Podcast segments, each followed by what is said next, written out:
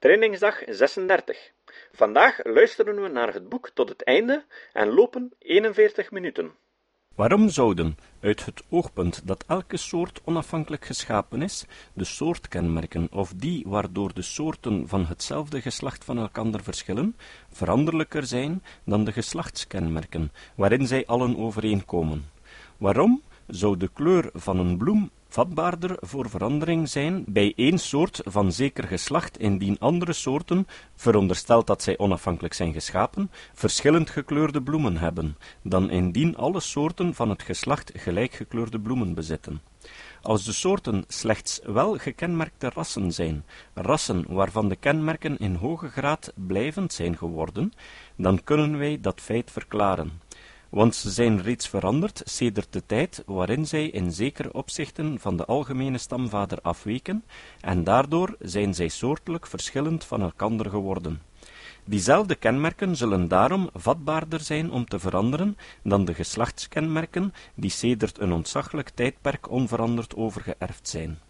Het is onverklaarbaar naar de leer van de onafhankelijke schepping, waarom een deel het welk in ongewone graad bij één soort ontwikkelt, en daarom, zoals wij natuurlijk mogen afleiden, van hoog belang is voor de soort, zeer vatbaar voor verandering zou zijn. Doch, naar mijn leer heeft zulk een deel sedert de tijd waarop de soorten van de algemene stamvader afweken, een ongewone grote mate van veranderingen ondergaan, en daarom zullen we dat deel nog altijd vatbaar voor veranderingen vinden. Doch, een deel kan in een ongewone mate veranderd zijn, gelijk de vleugels van een vleermuis, en echter thans niet veranderlijker zijn dan enig ander deel, indien het namelijk van vele ondergeschikte vormen gemeen is. Dat is, als het sedert een zeer lang geleden tijdperk overgeërfd is. Want in dit geval zal het standvastig gemaakt zijn geworden door een lang aanhoudende natuurkeus. Hoe wonderbaar het instinct ook mag zijn, het is niet moeilijker dan de lichaamsinrichting te verklaren door de leer van de natuurkeus van kleine, maar nuttige wijzigingen. Zo kunnen we begrijpen hoe de natuur met langzame schreden vooruitgaat in het begiftigen der verschillende dieren met bijzondere instincten. Ik heb getracht te bewijzen hoe trapsgewijs het instinct om cellen te bouwen bij de honingbij is ontwikkeld.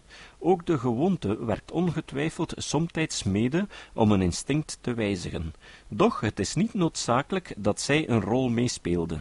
Zoals we zien in het geval van onzijdige insecten, die geen jongen achterlaten, om de uitwerkselen van een langdurige gewoonte te erven. Uit het oogpunt dat alle soorten van hetzelfde geslacht van een algemene stamvader afkomstig zijn en vele dingen gemeenschappelijk geërfd hebben, kunnen we begrijpen hoe het komt dat verwante soorten, al zijn zij in hoogst verschillende levensomstandigheden geplaatst, toch bijna hetzelfde instinct vertonen, waarom de Zuid-Amerikaanse lijster haar nest met slijk voert, gelijk die van Europa, uit het oogpunt dat de instincten langzamerhand door middel van de natuurkeus verkregen zijn, behoeven wij ons niet te verwonderen dat sommige instincten duidelijk onvolkomen en misplaatst zijn, en dat velen de oorzaken zijn dat andere dieren lijden. Als soorten slechts welgekenmerkte en blijvende rassen zijn, is het ons ineens duidelijk waarom haar gekruiste afstammelingen dezelfde wetten volgen in de gelijkenis op elkander en hun ouders, waarom zij door opeenvolgende kruisingen in elkander overgaan en als het ware in elkander opgelost worden, zoals het geval is bij de kruisingen van bekende rassen. En aan de andere kant, hoe vreemd zou dat alles zijn indien de soorten onafhankelijk en de rassen door bijkomende, door secundaire wetten waren geschapen.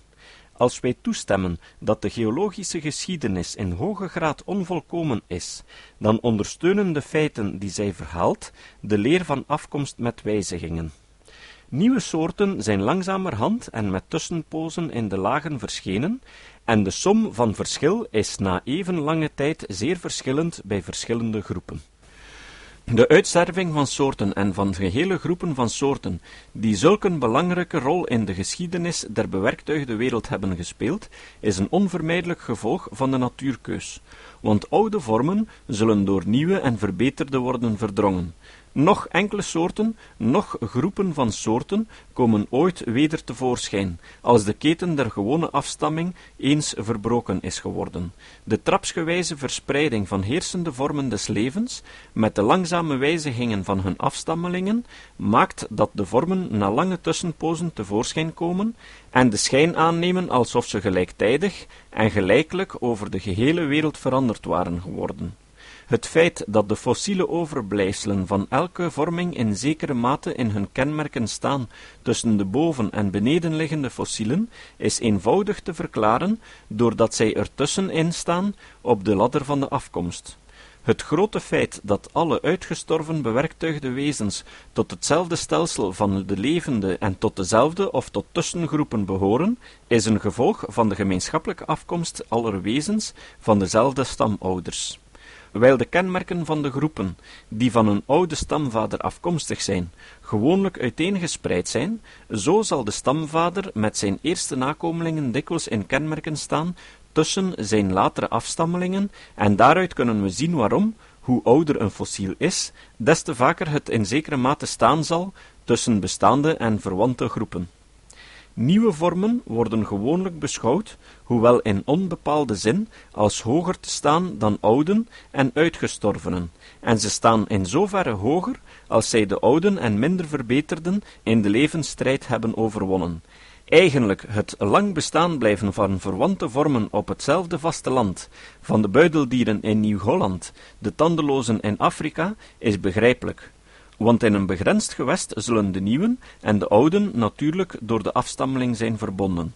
En wat de verspreiding over de aarde betreft, als we toestemmen dat er gedurende de lange loop der eeuwen grote verhuizingen van het ene deel der wereld naar het andere zijn geschied, en als gevolgen van vroegere veranderingen van het klimaat en van de bodem en bevorderd door vele toevallige en onbekende middens van vervoer, dan zullen we, naar de leer van afkomst en wijzigingen, de meeste grote feiten dier verspreiding verstaan.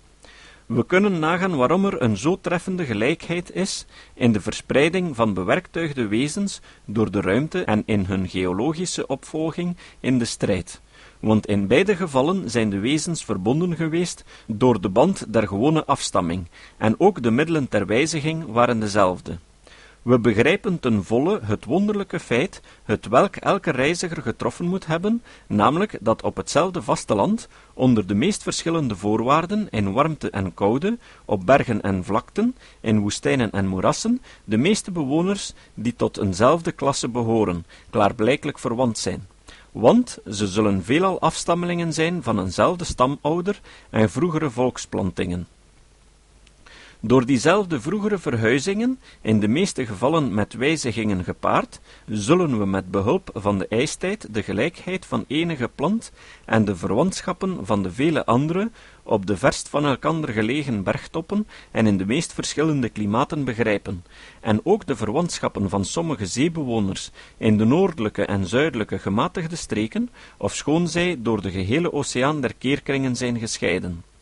Ofschoon twee gewesten dezelfde fysische levensvoorwaarden mogen bezitten, behoeft het ons toch niet te verwonderen dat hun bewoners grotelijks verschillen als zij gedurende een lange tijd volkomen van elkander gescheiden zijn geweest.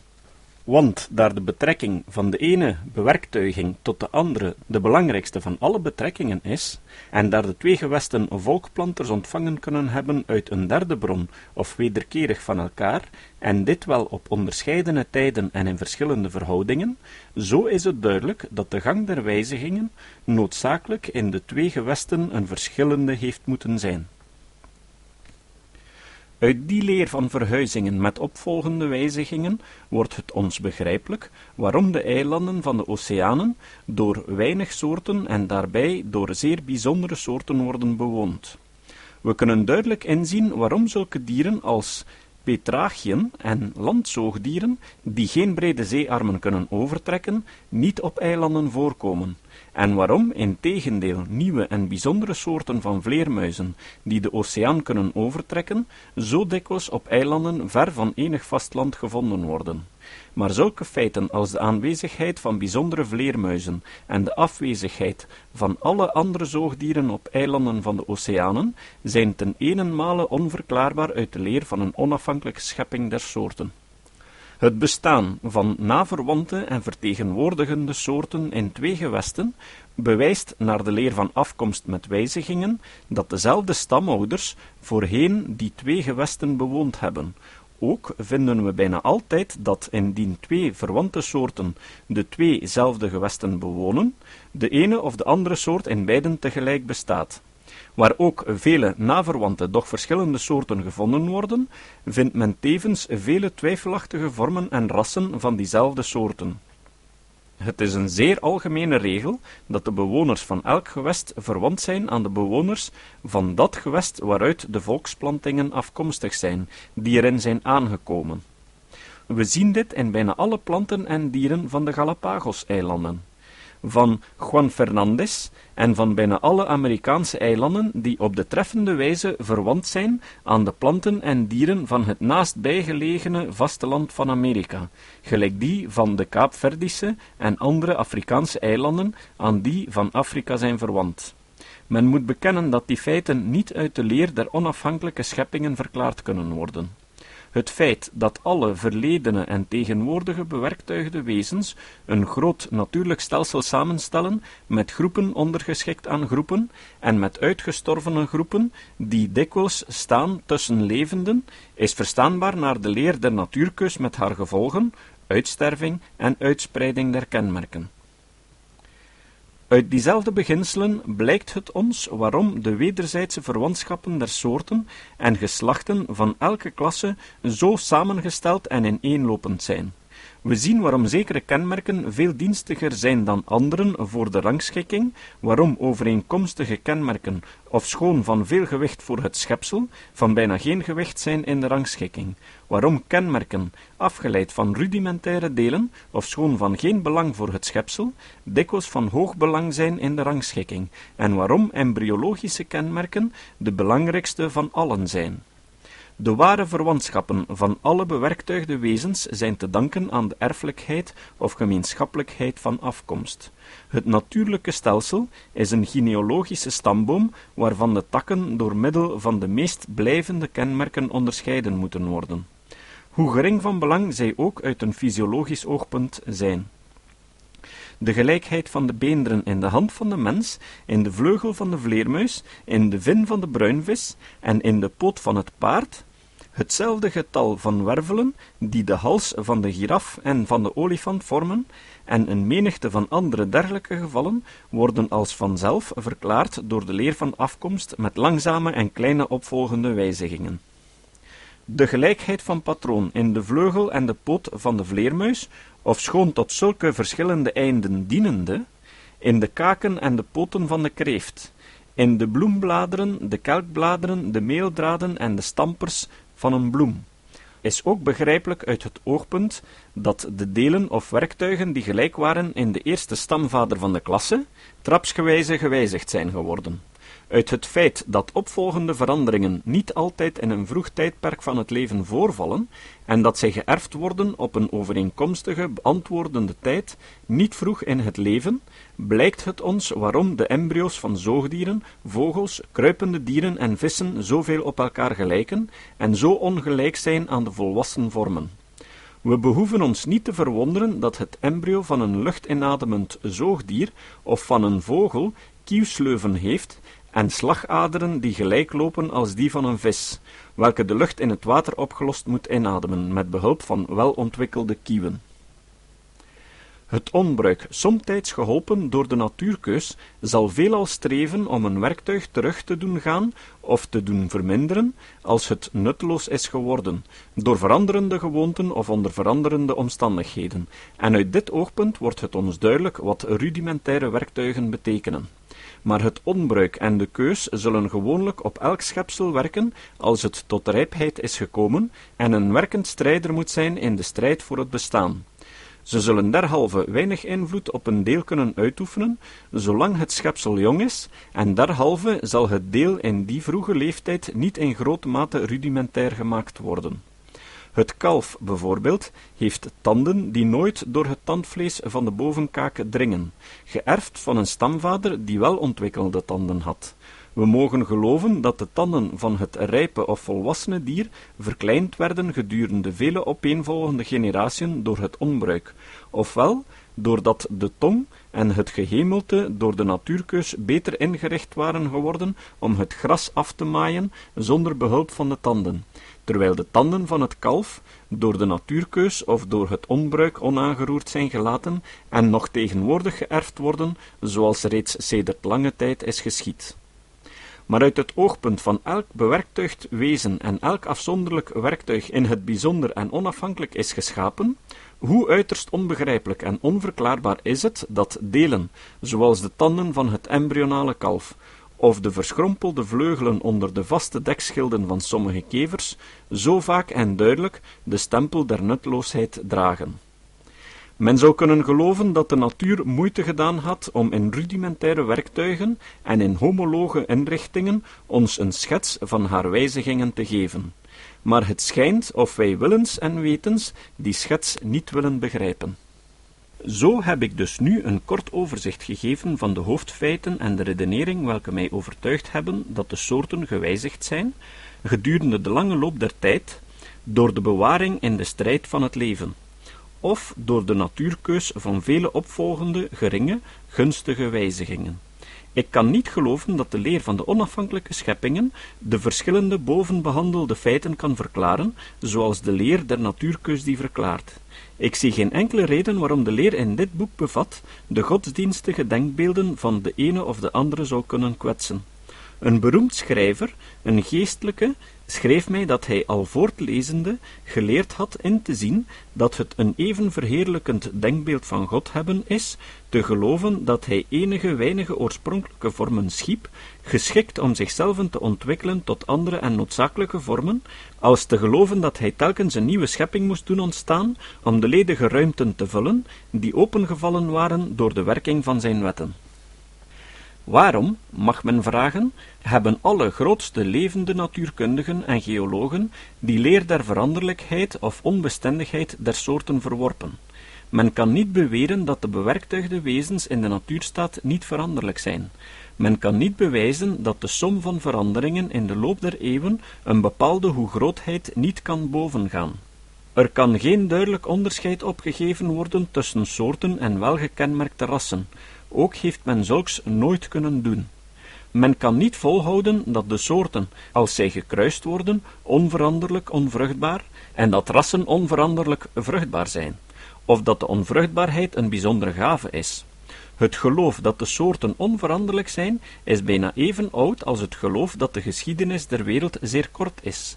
Maar nu we enig denkbeeld gekregen hebben van de tijd die reeds verlopen is, kunnen we tevens uit de geologische geschiedenis nagaan dat de soorten veranderd zijn. Doch de voornaamste oorzaak van onze wil om aan te nemen dat een soort een andere en verschillende soort heeft voortgebracht, ligt daarin dat wij altijd moeilijk aan een grote verandering geloven, indien we niet zien hoe ze gebeurt. Die moeilijkheid is dezelfde als die welke door zoveel geologen werd gevoeld, toen Lyell voor het eerst beweerde dat lange ruggen op het land gevormd en grote dalen uitgehold waren geworden door de langzame werking der golven op het strand. Ons verstand kan onmogelijk de volle betekenis van de uitdrukking honderd miljoenen jaren bevatten.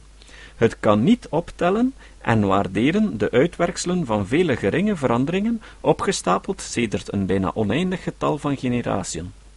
Ofschoon ik volkomen overtuigd ben van de waarheid van de leer die in dit boek wordt verkondigd, verwacht ik toch geenszins oude natuurkundigen te zullen overtuigen. Mannen wier hoofden opgevuld zijn met een menigte feiten, allen gedurende een reeks van jaren beschouwd uit een oogpunt volkomen tegenovergesteld aan het mijne. Het is zo gemakkelijk onze onwetendheid te verbergen achter uitdrukkingen als het scheppingsplan, de eenheid van het doel en dergelijke, en ons te verbeelden dat wij een verklaring geven, als wij niets doen dan een feit vermelden. Hij die geneigd is om meer gewicht te hechten aan onverklaarbare moeilijkheden dan aan de verklaringen van zeker getal van feiten, zal ongetwijfeld mijn leer verwerpen. Enige deskundigen die reeds aan het twijfelen zijn en reeds begonnen zijn te twijfelen aan de onveranderlijkheid der soorten, zullen door dit boek meer en meer overtuigd worden. Maar ik zie met vertrouwen uit naar de toekomst, naar jonge en beginnende natuurkundigen die in staat zullen zijn om de zaak van beide kanten te beschouwen en met onpartijdigheid over de vraag te oordelen. Hij, die gelooft dat de soorten veranderlijk zijn, zal de wetenschap een goede dienst bewijzen door zijn overtuiging uit te spreken, want op die wijze alleen kan het vooroordeel, het welk dit onderwerp bezoedelt, worden weggenomen. Verscheidene natuurkundigen hebben in de laatste tijd als hun geloof te kennen gegeven dat een menigte van die naamdragende soorten in elk geslacht geen echte soorten, maar dat anderen wezenlijke soorten zijn, dat is, onafhankelijk zijn geschapen. Het is mij onbegrijpelijk hoe men tot zulk een besluit kan komen. Die geleerden nemen aan dat een menigte van vormen, welke tot voor korte tijd door dezelfde voor bijzondere scheppingen werden gehouden, en welke nog steeds door verre de meeste natuurkundigen uit dat oogpunt beschouwd worden, vormen, die derhalve elke uitwendige trek van echte soorten vertonen, zij nemen aan dat die door verandering zijn ontstaan, maar ze weigeren om datzelfde te geloven van andere uiterst weinig verschillende vormen. Ze beweren evenwel niet dat ze kunnen bepalen of zelfs gissen welke vormen des levens geschapen en welke vormen door bijkomende secundaire wetten zijn voortgebracht. We zijn al halfweg deze training. Ze nemen de veranderlijkheid aan als een vera causa in het ene geval, en zij verwerpen haar zonder redenen daarvan te geven, en geheel willekeurig in het andere, ja, zonder van enig onderscheidingsteken melding te maken. Er zal een dag komen waarop dit als een merkwaardig voorbeeld van verblindheid door vooringenomenheid en vooroordeel aangehaald zal worden. Die schrijvers zien geen groter wonder in een mirakel, in een schepping, dan in een gewone geboorte. Maar geloven zij inderdaad dat er op ontelbare tijdstippen in de geschiedenis der aarde aan zekere grondstoffen, aan zekere atomen het bevel gegeven is om plotseling tot levend weefsel te geworden? Geloven zij dat er bij elk verondersteld scheppingsbedrijf een individu, of dat er verscheidene werden geschapen, waren alle ontelbare verscheidenheden van planten en dieren geschapen als zaad, of eieren, of als volwassenen? En in het geval dat het laatste voor de zoogdieren wordt aangenomen, waren zij dan geschapen met de valse kenmerken dat zij eens in een baarmoeder gevoed waren geworden, of hadden zij geen navel? Ofschoon die natuurkundigen van een volledige opheldering en verklaring van elke moeilijkheid verlangen van hen die aan de onbestendigheid der soorten geloven, van hun kant bewijzen zij niets te weten van het eerste verschijnen der soorten. Zij bemantelen hun onwetendheid met hetgeen zij een eerbiedig stilzwijgen noemen. Men zou kunnen vragen hoe ver ik de leer van de wijzigingen der soorten uitstrek. De vraag is moeilijk te beantwoorden, omdat hoe verschillender de vormen zijn die wij beschouwen, des te meer verliezen onze bewijzen in kracht. Maar in sommige opzichten gaat mijn leer al vrij ver. Alle leden van gehele klassen kunnen samen verbonden worden door een keten van verwantschappen, en allen kunnen naar hetzelfde beginsel gerangschikt worden in groepen ondergeschikt aan groepen. Fossiele overblijfselen vullen somtijds wijde ruimten tussen bestaande orden. Werktuigen in rudimentaire toestand bewijzen dat een eerste stamvader dat werktuig in volkomen ontwikkelde toestand bezat, en dit bewijst in sommige gevallen dat de nakomelingen ontzaglijk veel veranderd zijn. Verschillende inrichtingen in gehele klassen zijn naar hetzelfde patroon gevormd, en in embryonale toestand gelijken de soorten volkomen op elkander. Daarom kan ik niet twijfelen of de leer van afkomst met wijzigingen omvat alle leden van dezelfde klasse. Ik geloof dat de dieren van ten hoogste vier of vijf stamvaders afstammen, en de planten van even groot of kleiner getal. De leer der overeenkomst, de analogie, zou mij een schrede verder kunnen leiden, namelijk tot het geloof dat alle dieren en planten afstammen van enkele grondvormen, van één prototype, doch de analogie is misschien geen veilige gids. Desalniettemin hebben alle levende wezens zeer veel met elkander gemeen, in hun scheikundige samenstelling, in hun kiemblaasjes, in hun celweefsels, in de wetten van hun wasdom en van hun voortteling. We zien dit zelfs in kleinigheden, in de omstandigheden dat hetzelfde gif dikwijls op gelijke wijze planten en dieren aandoet, of dat het vergif, door de galwesp afgescheiden, gelijke uitwassen verwekt op de wilde roos als op de eik. Daarom zou ik door analogie genoopt worden om aan te nemen dat waarschijnlijk alle bewerktuigde schepsels, welke ooit op aarde geleefd hebben, afkomstig zijn van een eerste vorm, van een grondvorm, waar het leven eerst door de schepper is ingeblazen. Als de gevoelens door mij in dit boek en door Wallace in het Linnean Journal verkondigd, of als dergelijke denkbeelden over het ontstaan der soorten algemeen aangenomen zijn geworden, zullen we vooruitzien welke belangrijke omwenteling er in de natuurlijke historie zal geschieden. De systematici zullen, even als thans, hun gang kunnen gaan, maar ze zullen niet elk ogenblik gehinderd worden door het spook dat hun tegenwoordig kwelt, door de vraag namelijk of deze of gene vorm wel wezenlijk een soort is. En dat zal, ik spreek bij ondervinding, geen kleine verlichting zijn. De eindeloze twist of de vijftig of honderd of tweehonderd soorten van kool al of niet echte soorten zijn, zal ophouden. Systematici zullen slechts te beslissen hebben, niet dat het juist gemakkelijk zal zijn, of een vorm standvastig en van anderen onderscheiden genoeg is om er een bepaling aan te geven, en als dat mogelijk is, of de verschillen belangrijk genoeg zijn om een bijzondere naam te verdienen. Dit laatste punt zal van veel meer wezenlijk belang worden dan het tegenwoordig is, want verschillen, hoe gering ook tussen twee vormen, als ze niet door tussenvormen ineensmelten, worden door de meeste natuurkundigen als voldoende beschouwd om beide vormen tot een rang van soorten te verheffen. Later zullen wij gedwongen zijn te bekennen dat het enige onderscheid tussen soorten en welgekenmerkte rassen is, dat de laatsten bekend zijn of geloofd worden in de tegenwoordige tijd door tussenvormen verbonden te zijn, terwijl de soorten voorheen op dezelfde wijze verbonden waren. Derhalve, zonder het gewicht van het tegenwoordige bestaan van tussenvormen te verwerpen, zullen we toch genoopt worden om het werkelijke verschil tussen twee vormen zorgvuldiger te wegen en hoger in te schatten. Het is zeer mogelijk dat vormen die nu vrij algemeen voor niets meer dan rassen worden gehouden, naderhand waardig geoordeeld zullen worden om soortnamen te ontvangen, zoals de Primula veris en de Primula vulgaris.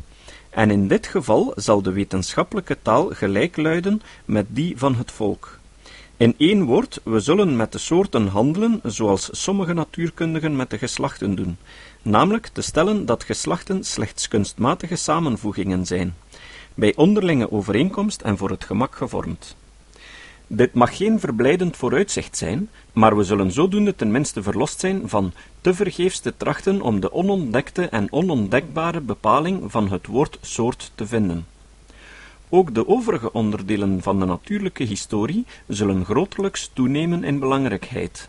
De uitdrukkingen verwantschap, betrekkingen, eenheid van grondvorm, ouderschap, vormleer, overeenkomstige kenmerken, rudimentaire en geaborteerde werktuigen, zullen niet meer in beeldsprakige, maar in de eigenlijke zin gebruikt worden. Als we niet langer een bewerktuigd wezen beschouwen gelijk een wilde een stoomboot bekijkt, dat is als iets geheel boven ons begrip, als we elk voortbrengsel der natuur beschouwen als de som van een menigte wijzigingen, die allen ten nutte van de bezitter waren, bijna op gelijke wijze als wij een machine houden voor de som van de arbeid, de ondervinding, de rede en zelfs de misslagen van een menigte werklieden, als we zo alle bewerktuigde wezens beschouwen, hoe oneindig meer belangwekkend zal dan, ik spreek bij ondervinding, de studie der natuurlijke historie worden. Een groot en bijna geheel onontgonnen veld van onderzoek zal er voor ons geopend worden. De oorzaken en wetten der veranderlijkheid, van het verband der delen onderling, de uitwerkselen van het gebruik en het onbruik, van de onmiddellijke invloed der uitwendige levensvoorwaarden en dergelijke meer. Het bestuderen van tamme schepselen zal zeer veel in waarde reizen. Een nieuw, door de mens voortgebracht ras zal een veel belangrijker en belangwekkender onderwerp van studie zijn, dan een soort meer toegevoegd bij de ontelbare reeks bekende soorten.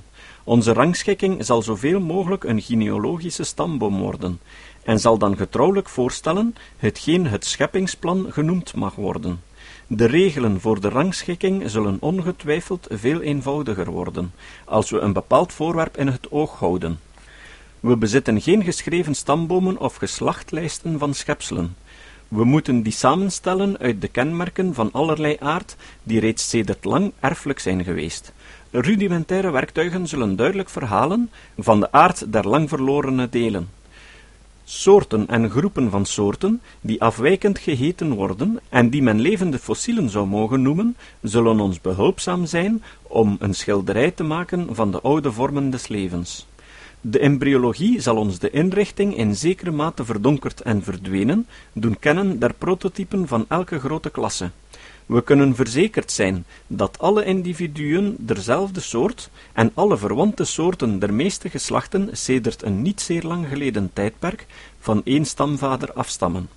Zodra we beter de vele middelen van vervoer zullen kennen, dan zullen wij, bij het licht van de geologie verbreid en volhouden met te verbreiden, zekerlijk in staat zijn om op een volkomene wijze het spoor van de verhuizingen der bewoners van de aarde te volgen.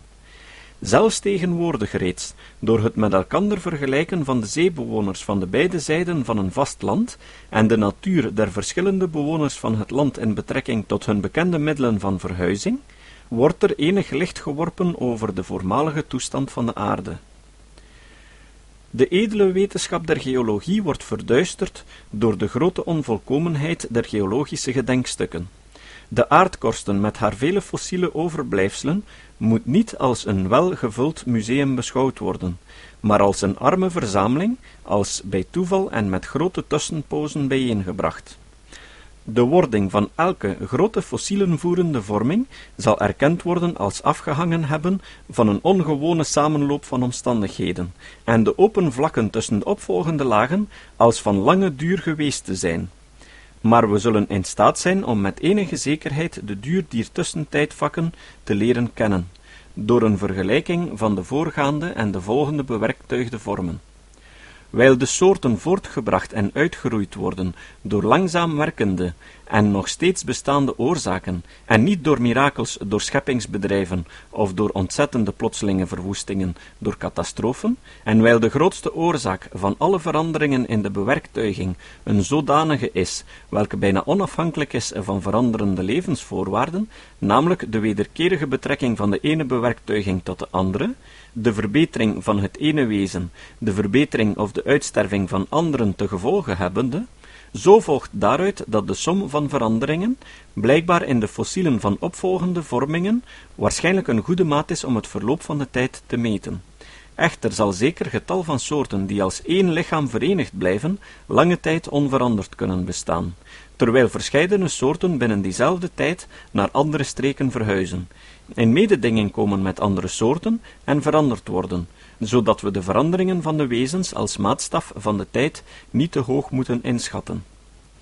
In de eerste tijdperken van de geschiedenis van de aarde, toen de vormen van het leven waarschijnlijk eenvoudiger en minder in getal waren, was de gang der veranderingen zeer waarschijnlijk langzamer, en bij de eerste dageraad des levens, toen er nog een kleiner getal van nog eenvoudiger vormen bestond, zal de verandering uiterst gering zijn geweest. De gehele geschiedenis van de wereld, ofschoon van een lange duur, zo lang dat wij die niet kunnen bevatten, zal later erkend worden slechts een kort tijdperk te zijn, vergeleken met de tijd die er verlopen moet zijn sedert het eerste schepsel, de stamvader van de ontelbare uitgestorvene en levende wezens, werd geschapen. In de toekomst zie ik een wijd veld geopend voor onderzoekingen van een veel groter belang. De psychologie zal op nieuwe grondslagen worden gebouwd, namelijk op de noodzakelijkheid om elke bekwaamheid en elk vermogen der ziel trapsgewijs te verkrijgen, en een licht zal er schijnen over de oorsprong van de mens en zijn geschiedenis. Er zijn schrijvers van naam die volkomen tevreden schijnen met het geloof dat elke soort onafhankelijk is geschapen. Naar mijn verstand komt het beter overeen met hetgeen wij weten van de wetten die door de schepper aan de stof zijn voorgeschreven, dat de voortbrengingen en de uitroeiingen van de verledene en tegenwoordige bewoners der aarde te danken zouden zijn aan secundaire oorzaken, gelijk die welke de geboorte en de dood van de individuen bepalen. Wanneer ik alle wezens beschouw, niet als bijzondere scheppingen, maar als afstammelingen in de rechte lijn van enige weinige wezens, die leefden lang voordat de eerste silurische laag werd afgezet, dan schijnt het mij toe dat ze van adel worden. Uit het verledene tot de toekomst besluitende, mogen wij veilig stellen dat geen enkele levende soort haar onveranderde gelijkenissen tot een verre toekomst zal overbrengen. Ja, van de thans levende soorten zullen zeer enkele nakomelingen tot een verre toekomst overbrengen, want de wijze waarop alle bewerktuigde wezens zijn gegroepeerd, toont dat het grootste getal der soorten van elk geslacht en alle soorten van vele geslachten geen nakomelingen hebben achtergelaten, maar volkomen zijn uitgestorven. Zelfs kunnen wij zo ver in de toekomst zien, dat wij mogen voorspellen dat het de gemene en ver verspreide soorten zijn, die tot de grotere en heersende groepen behoren, welke ten laatste de bovenhand zullen behouden, en nieuwe heersende soorten zullen voortbrengen. Wijl alle levende wezens de lijnrechte afstammelingen zijn van die welke lang voor de Silurische tijd leefden, zo kunnen wij zeker zijn dat de gewone opvolging door de generatiën nooit afgebroken is geweest, en dat geen catastrofe de gehele wereld ooit heeft verwoest. Daarom mogen we met enig vertrouwen uitzien naar een toekomst van een eveneens onbepaalde lengte, en dat de natuurkeus slechts door en voor het nut van elk wezen werkt, zo zullen alle zielsvermogens en alle lichamelijke gaven steeds meer en meer naar volmaking streven. Hoe belangwekkend is het een landschap te beschouwen met vele soorten van planten bekleed, met vogels zingende in het kreupelhout, met verschillende insecten die rondom de bloemen fladderen, met wormen vroetende in de vochtige aarde, en daarbij te bedenken hoe al die heerlijke ingerichte vormen, hoe al die zoveel van elkander verschillende en op zoveel wijzen van elkander afhankelijke wezens, allen zijn voortgebracht naar vaste bepaalde wetten. Die wetten in de ruimste zin genomen zijn, ontwikkeld met voortteling, erfelijkheid, meestal met de voortteling verbonden, veranderlijkheid door de middelijke en onmiddellijke werking van de uitwendige levensvoorwaarden, en door het gebruik en het onbruik een wiskundige toename zo groot dat een strijd voor het bestaan daar een gevolg van is. En als een gevolg van die strijd de natuurkeus, die op haar beurt weder de uitspreiding der kenmerken en de uitsterving van de minst verbeterde vormen ten gevolge heeft. En zo volgt er dus uit de strijd der natuur, uit hongersnood en dood, het verhevene dat wij op aarde kunnen vinden, het ontstaan der hoogste dieren, Groots is het op die wijze het leven te beschouwen, het leven met zijn onderscheidene vermogens en krachten, die oorspronkelijk door de schepper gegeven zijn aan enige weinige vormen of aan één enkele. Groots is het te denken dat, terwijl onze aarde haar baan ten gevolge van de wet van de zwaarte doorwentelde, er uit een zo eenvoudig begin zo eindeloos vele en zulke schone en wonderbaarlijke, volkomen vormen voortgebracht zijn en nog steeds voorkomen. Naschrift van de vertaler. Het is nauwelijks een half jaar geleden dat ik het voorbericht voor deze vertaling van Darwin's Origin of Species schreef, en daarin met één enkel woord melding maakte van de vele beoordelingen over het werk die in verschillende buitenlandse wetenschappelijke tijdschriften voorkomen. Wel was het te verwachten dat er van verschillende zijden over Darwins leer gesproken zou worden. Immers, een boek als het zijne kon onmogelijk verschijnen zonder opzien te baren bij hem die de wetenschap lief heeft. Maar dat er in de letterlijke zin gedurende de laatste zes maanden geen Engels of Amerikaans tijdschrift van enige naam in de wetenschap zou in het licht komen zonder een uitvoerig artikel te bevatten over Darwin's Origin of Species, gewis, dat was niet vooruit te zien. Ik behoef hier zekerlijk niet te noemen de National Review, The Athenaeum, The Agriculturer, de Edinburgh Review en bovendien La Revue des Deux Mondes, Leonard und Bron, Neues Jahrbuch en vele anderen. Ik had mij voorgenomen die Darwin-literatuur niet slechts te volgen, maar ook die als het ware bijeen te verzamelen en er een geheel van te maken, ten einde een overzicht van te geven bij wijze van naschrift op de vertaling. Om twee redenen evenwel heb ik dat voornemen teruggenomen, en meen verplicht te zijn die hier te doen kennen. Voor eerst is er reeds zoveel over Darwins boek geschreven, dat, indien men slechts kortelijk alles wilde bijeenvatten, zulk een overzicht toch een boekdeel zou vormen, niet minder lijvig dan het besprokene. Ten tweede is bijna alles wat er over geschreven is, in de hoofdzaak niets dan lofbetuigingen over het werk, op de schrijver daarvan, op zijn leer, op zijn waarnemingen en proeven. Een degelijke kritiek, een bestrijding van de leer die erin verkondigd wordt, heeft het boek, zoverre mij bekend is, tot heden nog niet gevonden.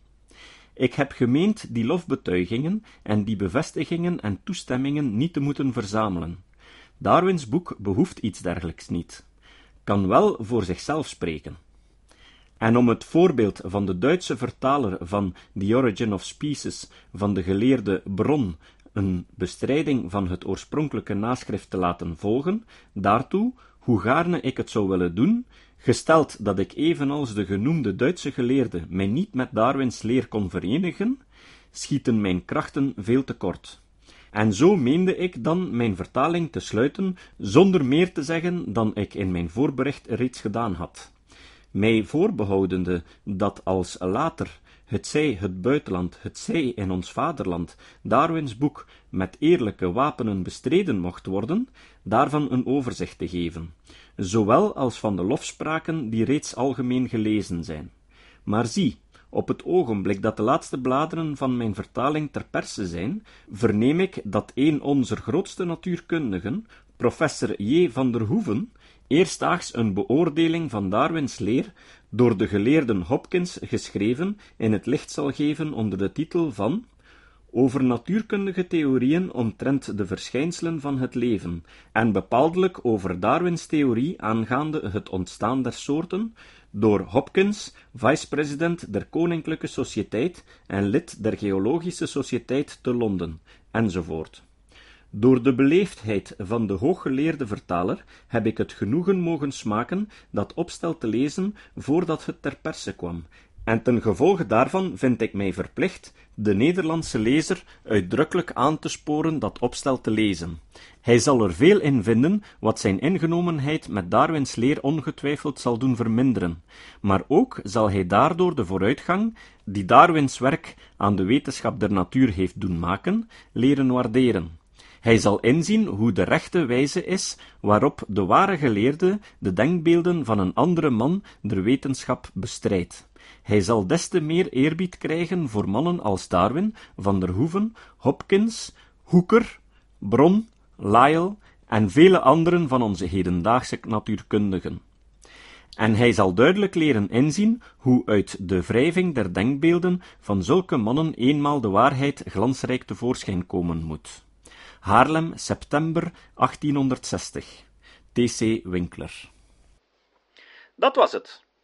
Voor je volgende training kan je naar mijn podcast luisteren of een luisterboek op LibriVox uploaden. Veel succes met je nieuwe gezonde levensstijl.